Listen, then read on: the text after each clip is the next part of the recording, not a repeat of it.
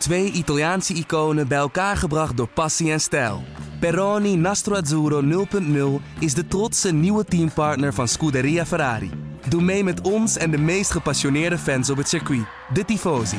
Samen volgen we het raceseizoen van 2024. Salute, Tifosi!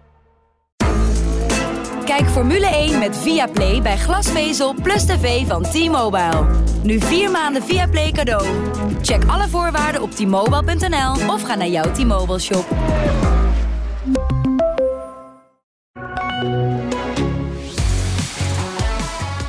Vier races zijn we onderweg. Eh, Dit WK, Max Verstappen won twee races. Charles Leclerc won er ook twee. De Monegask had vandaag graag willen winnen op Imola. Het Imola van Ferrari. Maar uiteindelijk werd het dus- dus gewoon rood-wit-blauw. Oranje boven eigenlijk. Soeverein was Red Bull dit weekend in de race en de sprintrace.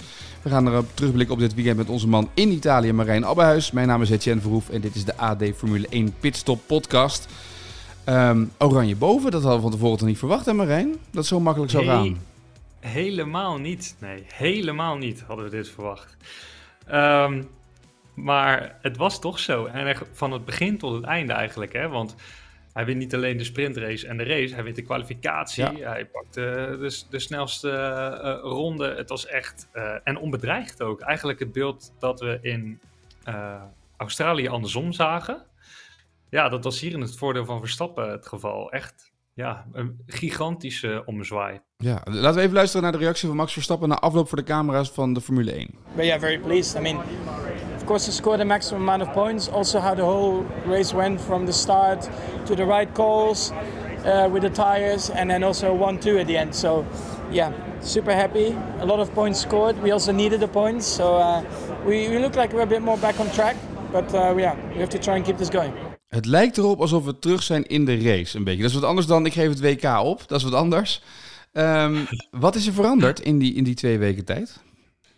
Ehm, ja, er, is redelijk veel veranderd. Eh, alleen ehm, waar Verstappen het zelf echt op wilde gooien dit weekend, was dat ze gewoon eigenlijk alles goed hebben gedaan. Dat ze elke keer de juiste keuzes hebben gemaakt. Dat ze het beste met de omstandigheden zijn omgegaan. Dat ehm, wat zij eh, hadden geleerd over de banden, over de omstandigheden tijdens de trainingen, dat ze dat veel beter konden toepassen dan, eh, dan bij Ferrari het geval was. Dus hij durfde nog niet echt te zeggen van ja, de auto is nu waar we hem willen hebben ehm, ten opzichte van Ferrari. Hij durfde nog niet aan te geven van nou, we zijn nu sneller, we zijn nu beter.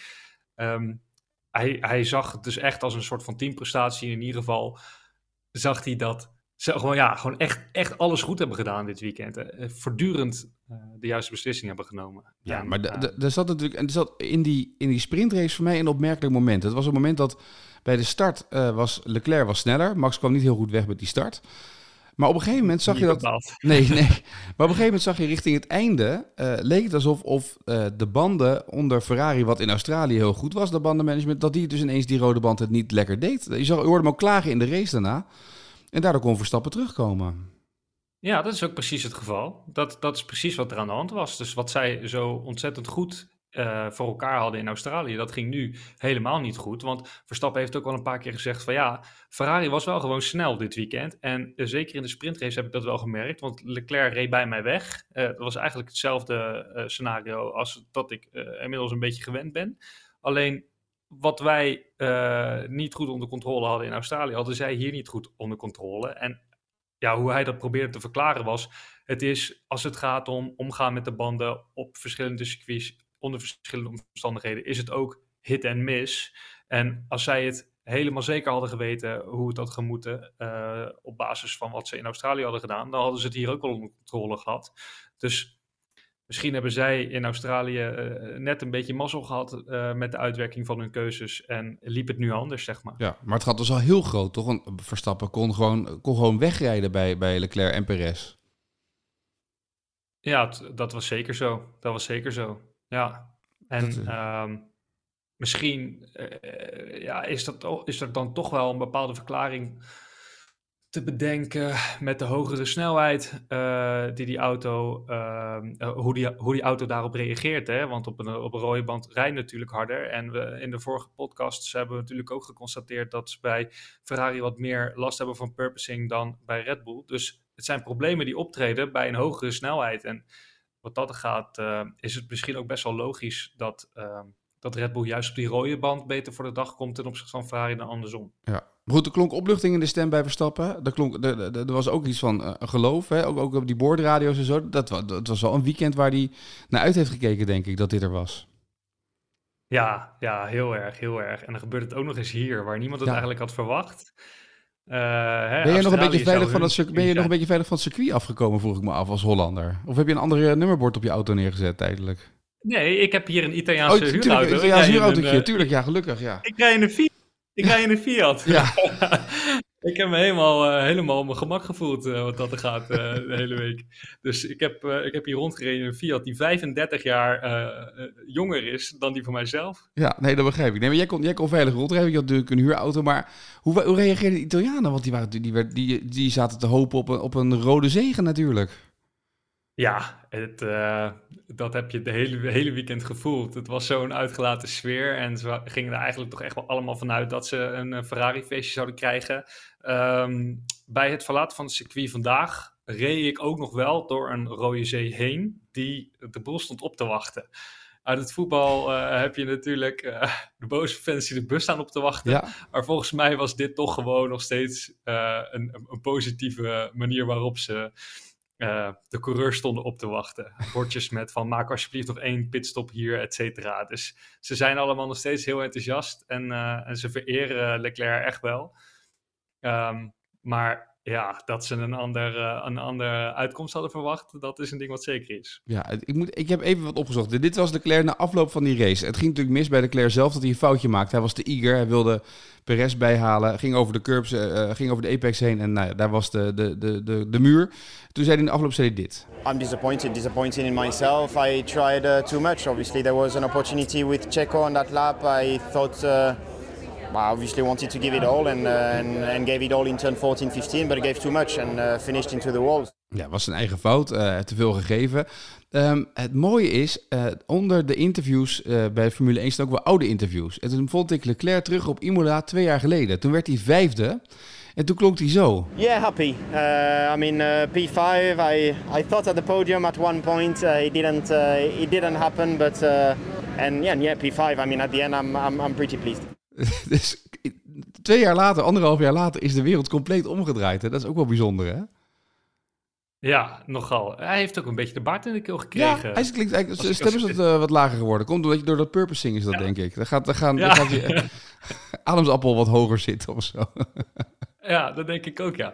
Nee, maar dat is natuurlijk logisch dat het ja. veranderd is. Ja, weet je, dat hebben we natuurlijk kunnen zien. Het is enorm veranderd. En Um, overigens vind ik het wel bijzonder dat hij uh, zo'n fout heeft gemaakt op basis van die gretigheid. Uh, want ik heb eigenlijk naar allebei die Ferrari-coureurs toch wel met, met, met bovengemiddelde interesse gekeken. En uh, Leclerc spinde in de allereerste training een paar keer. Ja. En dat deed hij eigenlijk... Ja, hij, hij was de limieten af en toe een beetje aan het opzoeken. Hè, op de momenten dat het kon. Op het moment dat je, dat je wil, uh, wil zien van... Oké, okay, wat kan ik nou eigenlijk in deze auto onder deze omstandigheden? En het was elke keer op zo'n manier dat het net niet erg genoeg was. Hij spinde even, kon weer terug en hij kon weer doen wat hij, wat hij wilde. Sainz, die is echt een paar keer onder de druk bezweken. Hè? Daar hebben we het voor uh, twee weken geleden over gehad. Um, dat was de reden van zijn uitvalbeurt in, uh, in Australië. Um, dat was ook de reden van zijn crash nu in de kwalificatie. Want ondanks dat hij al een goede tijd had staan, kreeg hij te horen push, push. Want het gaat straks regenen, dus dit ja. is het moment voor een snelle ronde. En hop, hij gaat er weer vanaf. Um, en dat verschil tussen Sainz en Leclerc is eigenlijk elke keer zo groot geweest. Met hoe volwassen Leclerc met, uh, met die hachelijke situaties, met die druk omgaat. En hoe ja, te gretig uh, Sainz op dat soort momenten is. En dan is het toch nu ook bij Leclerc gebeurd dat hij op zo'n moment in de fout gaat. Dat, uh, ja, maar is dit is. Ook, dit is ook een beetje natuurlijk uh, voor de eerste keer meegaan doen om een wereldtitel. En, en die precies. ervaring moet je als coureur een keer meemaken. Ja, precies. En dat is toch wel uh, iets, denk ik ook, waar Verstappen zich aan kan vasthouden. Dat dit is toch een eerste teken van nervositeit, een eerste teken van stress voor zijn eigen publiek. En hij, hij gaf zo erg de indruk dat hij daar redelijk wars van was. Maar toch is hij het niet. Nee, Nee, dit soort foutjes, die, maar dit, dit zijn de, de fouten die, die Verstappen in het verleden ook wel eens maakte. En afgelopen jaar zag je natuurlijk dat hij steeds, als hij, hij werd of eerste of tweede, maar nooit slechter dan dat. Hij had nooit een, nou ja, een P7 ertussen, of wat is het, P6 ertussen zitten, zoals nu uh, Leclerc heeft. Het is of uitvallen of eerste of tweede worden, punten halen, harken. Ja, ja, precies. En uh, ja, op zich was natuurlijk de manoeuvre die Ferrari maakte, was hartstikke goed. Hè? Want zij gingen eigenlijk op een onverwacht moment gingen ze naar die zachte banden omdat anders was die strijd om plek 2 was gestreden geweest. Dus ze probeerden nog wat. Nou, dat deden ze hartstikke goed. Uh, er kwam ook weer een, uh, een, strijd in. Alleen ja, hij had natuurlijk. Ja, hij gooit natuurlijk. Uiteindelijk gooit hij nu heel veel mee weg. Dus hij kan zichzelf waarschijnlijk over zijn kop slaan. Ja. Um, ja, bijzonder. En er was nog die boordradio dat hij zei: Ja, eh, ik dacht dat we naar geel gingen. Maar weer op rood. Heeft ja. dat dan toch te maken met die snelheid en die purposing? Dat hij op die rode band toch te veel daar last van heeft? Ja, ik, nou, of dat hij zichzelf uh, er niet comfortabel op voelt. Ja. Uh, in ieder geval niet comfortabel genoeg. Maar ja, ik zat achteraf te denken, wat was er dan gebeurd op het moment dat hij naar geel was gegaan? Ja. Dan was Perez toch alsnog ook naar rood gegaan en Verstappen toch ook. Dus hij, had, hij, hij lokt uh, met deze keuze ook een pitstop uit bij, bij zijn concurrenten. En die hadden dan altijd dezelfde keuze gemaakt als die ze nu hebben gemaakt. Dus dan was het verschil toch alleen nog maar groter geweest. Alleen zijn eigen vertrouwen was wat, meer, uh, was wat minder beschadigd, denk ik, of zo zijn eigen gevoel. Dat was een beetje naar Lewis Hamilton ja. opmerking, was het, hè? Ja, ja, eigenlijk wel. Nou, misschien was hij dan wel derde gebleven als hij uh, als die op die, uh, die gele banden zich comfortabeler door de chicane had kunnen manoeuvreren. Ja, uiteindelijk staat hij met 86 punten nog wel bovenaan Leclerc. Max Verstappen nu tweede, 59 punten. Uh, Sergio Perez derde met 54 punten. Russell zakt wat weg op de vierde plaats nu met zijn Mercedes 49 punten. En Sainz met Ferrari vijfde, 38 punten. Uh, de strijd om de constructeurstitel ligt ook echt open, want het is 124 voor Ferrari om 113 voor Red Bull. Dus daar gaat de strijd echt wel losbarsten. Maar ook bovenin Um, dit was iets wat Verstappen goed uitkwam. Op weg naar die twee uitvalbeurten die hij steeds heeft gehad. Weet je, dat, je, dat je nu op weg naar die wereldtitel toch weer wat punten pakt en inloopt. Want dat gat is nu, ja, is wel 27 punten, maar het, het is te overzien. Ja, hij had dit keihard nodig. En ik heb, ja, weet je, als je gaat uitrekenen, uh, worden ze elke keer 1 en 2. Dan moet Verstappen nu vier keer winnen. En uh, dan heeft hij, het, heeft hij het gat ingehaald. En dat was, twee weken geleden was het zeven keer, geloof ja. ik. En toen hadden we eigenlijk nog het gevoel van, nou, maak er maar uh, minstens acht van, want in Imola uh, verliest hij ook. Dus nee, ja, de, de wereld is totaal veranderd. Ja. Uh, hoe de wereld ook veranderd is, um, blijkt wel uit hoe de rondjes gaan van Lewis Hamilton. Die daar een beetje om plek 13 aan het strijden was met een Alfa Tauri die ervoor zat. En er zat nog een Williams voor. Nou, en dat klonk toen in de race, na afloop, toen klonk hij zo. En vooral, let vooral op het laatste stuk van dit gesprek bij Formule 1 TV. The, probably the worst that it's felt. I mean, but it's similar to other races. When you see Max unlapping you, I know it's a different, it doesn't matter who's lapping you, it's never a good feeling, but does that kind of show you how far you guys have changed over time? Um, yeah. Deze stilte en dit antwoord. Je bent zeven keer wereldkampioen. En, en eh, ik zeg dit echt niet. Weet je, er zijn mensen die zeggen: ja, allemaal Maxen in Nederland en dit en dat. Maar je bent zeven keer wereldkampioen en je wordt op Imola gewoon gedeclasseerd. Dat, dat moet zo'n pijn doen. Ja, dat, dat doet het. Ik heb. Uh... Ik heb nog andere quotes van hem gehoord. Dat ik krijg altijd netjes doorgestuurd. Ja, je, we kunnen natuurlijk niet op alle plekken tegelijk zijn. Uh, dus ik, ik, was er niet bij op het moment dat, dat de geschreven pers vragen kon stellen aan, aan Lewis Hamilton. Uh, maar ik heb begrepen dat hij tegen collega's dingen heeft gezegd als... Uh, ja, dit doet, dit doet zoveel pijn. Uh, ik weet echt niet wat ik moet zeggen. ja, ongelooflijk frustrerend. Gewoon niet snel genoeg om die jongens die voor hem zaten in te halen. Ja, het is, het is, een, het is een bizarre werkelijkheid. Ja. Ik zou me de afgelopen weken wel te bedenken... George Russell kan nog redelijk overweg met die Mercedes. Maar die reed afgelopen jaar natuurlijk in een Williams... Dus ja. dat is een beetje hetzelfde als dat je. Nou ja, van een Fiat Panda. Nee, dat is een beetje flauw. Maar als je, het is een beetje hetzelfde als dat je. Je gaat, je gaat van, een, van de slechtste auto van het veld. Ga je naar een veel, veel betere auto. Het is niet de beste auto, maar het is in ieder geval de derde, vierde auto ongeveer van het veld. Um, voor Russell maakt natuurlijk alles dan verschil. En voor Hamilton is ja. het natuurlijk alleen maar stap naar beneden. En die, die moet helemaal opnieuw die wagen uitvinden. Ja, ja. En dan wordt hij ook nog eens alle kanten op geschud. Ja echt, ja, maar zeker in deze regenachtige omstandigheden, als je ze zag stuiteren, dat, dat, dat, dat is, al, er is geen purposing meer. Dat, die auto is gewoon aan het twerken. Ja. Dus gaat, dat gaat werkelijk waar nergens over. Dat is, het is echt onvoorstelbaar. Dus ja, ik kan me heel goed voorstellen dat Hamilton zoiets heeft van, ja, waar, waar ben, ik, waar ben ik nou toch in beland? In welke slechte film zit ik? Ja, maar dat, dat, dat moet het ook zijn. En, en dan is het ook heel lastig om eruit los te komen, lijkt me. Hoe goed je ook bent, hoe goed je ook kan racen. Op een gegeven moment, eh, ja, Ja. Ja, kom, kom er maar eens uit. Hè. Twee weken geleden in Australië vond ik hem nog een beetje, ja, vond ik hem nog vrolijk. Had ik het idee dat hij een bepaalde knop had omgezet. En als je hem dan nu hoort, zo, zoveel somberheid en zoveel leegte in zijn stem en in zijn antwoorden. Hij is echt eh, zwaar te neergeslagen. ja. Hoe, hoe zou dat de rest van dit seizoen gaan, denk je? Ik bedoel, gaat hier wat gebeuren? Of wat, wat, wat, wat, wat voel je daarbij als je daarbij bij Mercedes loopt en, en, en rondloopt?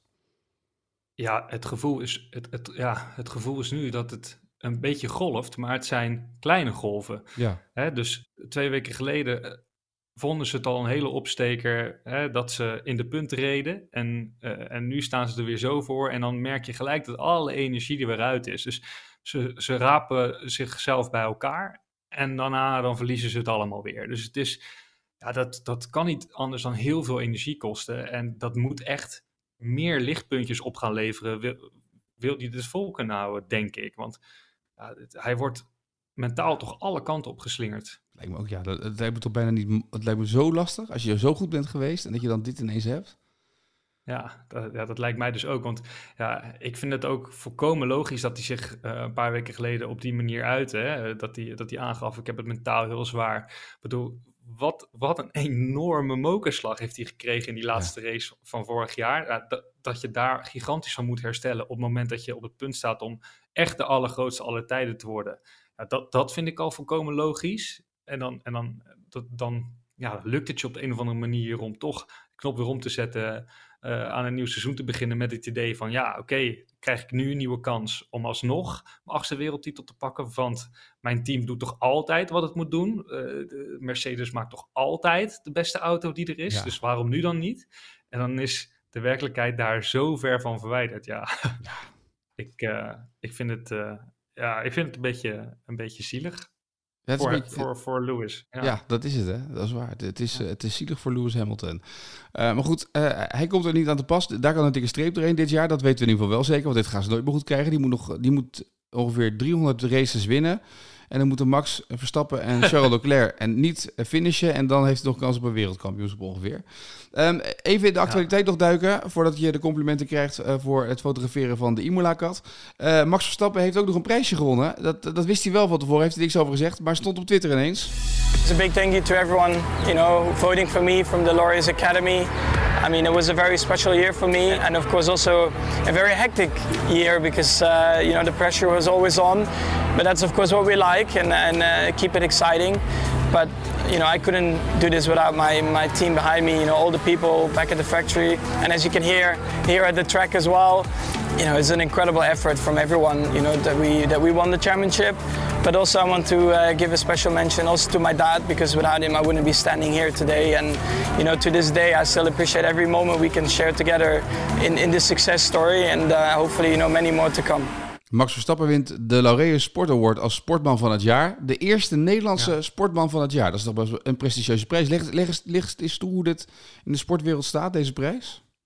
Ja, het is, het is de Oscar van de sport, zo wordt die, zo wordt die genoemd. Echt een enorm prestigieuze prijs. Eh, bestaat sinds 2000, dus eh, de lijst is ook niet zo lang. Eh, Johan Cruijff heeft een, een, een Lifetime Award gekregen, dus op, op die manier proberen ze de, de lijst nog wel een beetje completer te maken dan die nu is. Dus ehm, ja, met terugwerkende kracht zou je een beetje kunnen zeggen dat Verstappen de tweede Nederlander is die, die, eh, die, die deze prijs gewonnen heeft. Maar eh, ja, het is een gigantische prijs. En eh, hij is nu dus verkozen boven mannen als Tom Brady, Robert Lewandowski, Eliud Kipchoge, Caleb Dressel, dat soort namen.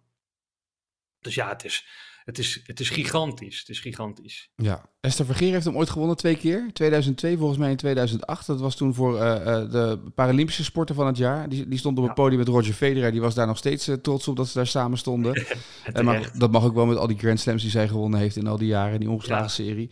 Maar Max Verstappen, de eerste Nederlandse man in ieder geval die deze prijs wint. Dus dat, dat is mooi. Dat is een, een, mooie prijs. Dat zegt ook wat over de waarde van Formule 1, denk ik. Hè, in, in, deze, in de sportwereld internationaal. Ja, zeker. Hij is de vierde Formule 1-coureur die deze krijgt. Um, Schumacher heeft hem twee keer gekregen, Vettel heeft hem gewonnen en Lewis Hamilton heeft hem gewonnen. Volgens mij heeft Lewis Hamilton hem moeten delen met uh, Lionel Messi in 2020. Ja, volgens mij samen dus, op podium, uh, ja, precies. Ja, ja. Nou ja, ja dat, zegt, het zegt natuurlijk heel veel, zeker in een Olympisch jaar. Hè, want uh, al die andere namen die we net noemen, die hebben of Olympisch goud gewonnen of, of ze zijn Tom Brady. ja. dus ja, dat is waar. Hey, en um, uh, Italië, je hebt vorige keer eerste weekend Australië of, uh, meegemaakt in de twee podcasts geleden. Hoe was uh, je eerste Formule 1 race in Europa? Was het leuk? Heb je genoten? Waarom ga je nou lachen? Ja, oké, okay, ik ga mijn best doen om het te omschrijven. het is vier dagen lang ongeorganiseerd, chaotisch, verkeerstechnisch dramatisch uh, echt uh, een, een worsteling uh, op dat vlak geweest. Maar alles smaakt goed en alles ziet er goed uit. En als je het mij vraagt, zijn dat precies de juiste prioriteiten om te stellen als, als organisatie zijnde. Dus ik heb een fantastisch weekend. Ja, op zijn Italiaans ziet het eruit. Natuurlijk iedereen fantastisch, niet eten heerlijk natuurlijk. Ik bedoel, dat is, dat is het voordeel natuurlijk van in Italië zitten. Hè? Precies, dat is eigenlijk ook het enige wat telt, toch? Ja, je kan ook in Rusland zitten of in Azerbeidzjan en denken, wat gaan we nu weer eten? Maar ja, dat is, op zich, hè, dat geluk heb je. Ja. maar voor de rest was het ja, chaos. En, ja, het was een chaos, ja. Maar de, uh, kijk, dat circuit is wel echt heel mooi. En, en, het, en het beeld van Senna is echt, echt heel mooi. Heel mooi, uh, heel mooi subtiel. En die Rode Zee waar we het de hele tijd over hebben gehad... Ja, die zitten allemaal op zo'n heuvel. En uh, die steken rode fakkels af. En dat ziet er echt geweldig uit. Um, ik vergeet nog te zeggen dat het bijna het hele weekend heeft geregend. Ja. Dus dat, dat maakt alles ook altijd wat, wat, wat minder prettig dan... dan als de zon schijnt. Want uh, de, de parkeerplaats was bijvoorbeeld op een gigantisch veld. wat in no time is uh, omgedoopt tot een uh, gigantisch modderbad. Het was echt, echt, echt vreselijk. Maar uh, ondanks die regen zag, zag het publiek op die heuvel er toch echt nog steeds heel erg mooi en zonnig en kleurrijk uit. Dus ja, het ziet er allemaal wel echt heel mooi uit. Ja, nou ja, dat, dat, heb, dat neem je toch weer mee. De volgende Grand Prix is over twee weken in Miami. Daar is het ook heel kleurrijk trouwens. Uh, daar gaan we het binnenkort ook over hebben in Pitstop TV. En volgende week nog uitgebreider in de podcast. Want ze hebben in Miami, dat ligt natuurlijk aan zee, hebben ze op het circuit een jachthaven aangelegd die er niet is. Dus er liggen daar, net als in Monaco, vier, vijf van die grote boten midden in het circuit. Terwijl er helemaal geen haven is. Er ligt een strandje in. Dus de show van Miami gaan we in de volgende podcast maar eens even uitgebreid doornemen. Vind je niet? Ja, om de bochten heen, om het circuit heen is toch, uh, uh, uh, hebben ze een azuurblauwe ja. Nepzee geschilderd, toch? Ja, ja, dat is een beetje de kleur van, van Miami, hè? dus dan, daar gaan we het nou eens even over hebben, de show die Amerika aan gaat doen. Hè? Geweldig, geweldig. Heeft ook weer wat. Het zal, het zal denk ik, want Arjan gaat daarheen. Ja. Die zal denk ik uh, wel een iets geliktere organisatie terechtkomen dan uh, waarin ik heb gezeten de afgelopen vier dagen. Ja, daar kan je gewoon doorrijden zonder problemen naar het circuit. Daar sta je niet uren in de file als het goed is. Dat komt wel goed, denk ik. Dat moet lukken. Nou goed, nee, Marijn. Um, dank voor nu. Uh, wij zijn er volgende week weer bij de nieuwe pitstop. Op zondag weer. Dan blikken we vooruit op die Grand Prix. En gaan we nog eens kijken wat deze week ons allemaal brengt. Uh, en dan hebben we weer een gloednieuwe pitstop met jou en met Arjan. Dus wat ons betreft graag tot uh, komende zondag. Tot dan hè. Oké, okay, hoi hoi.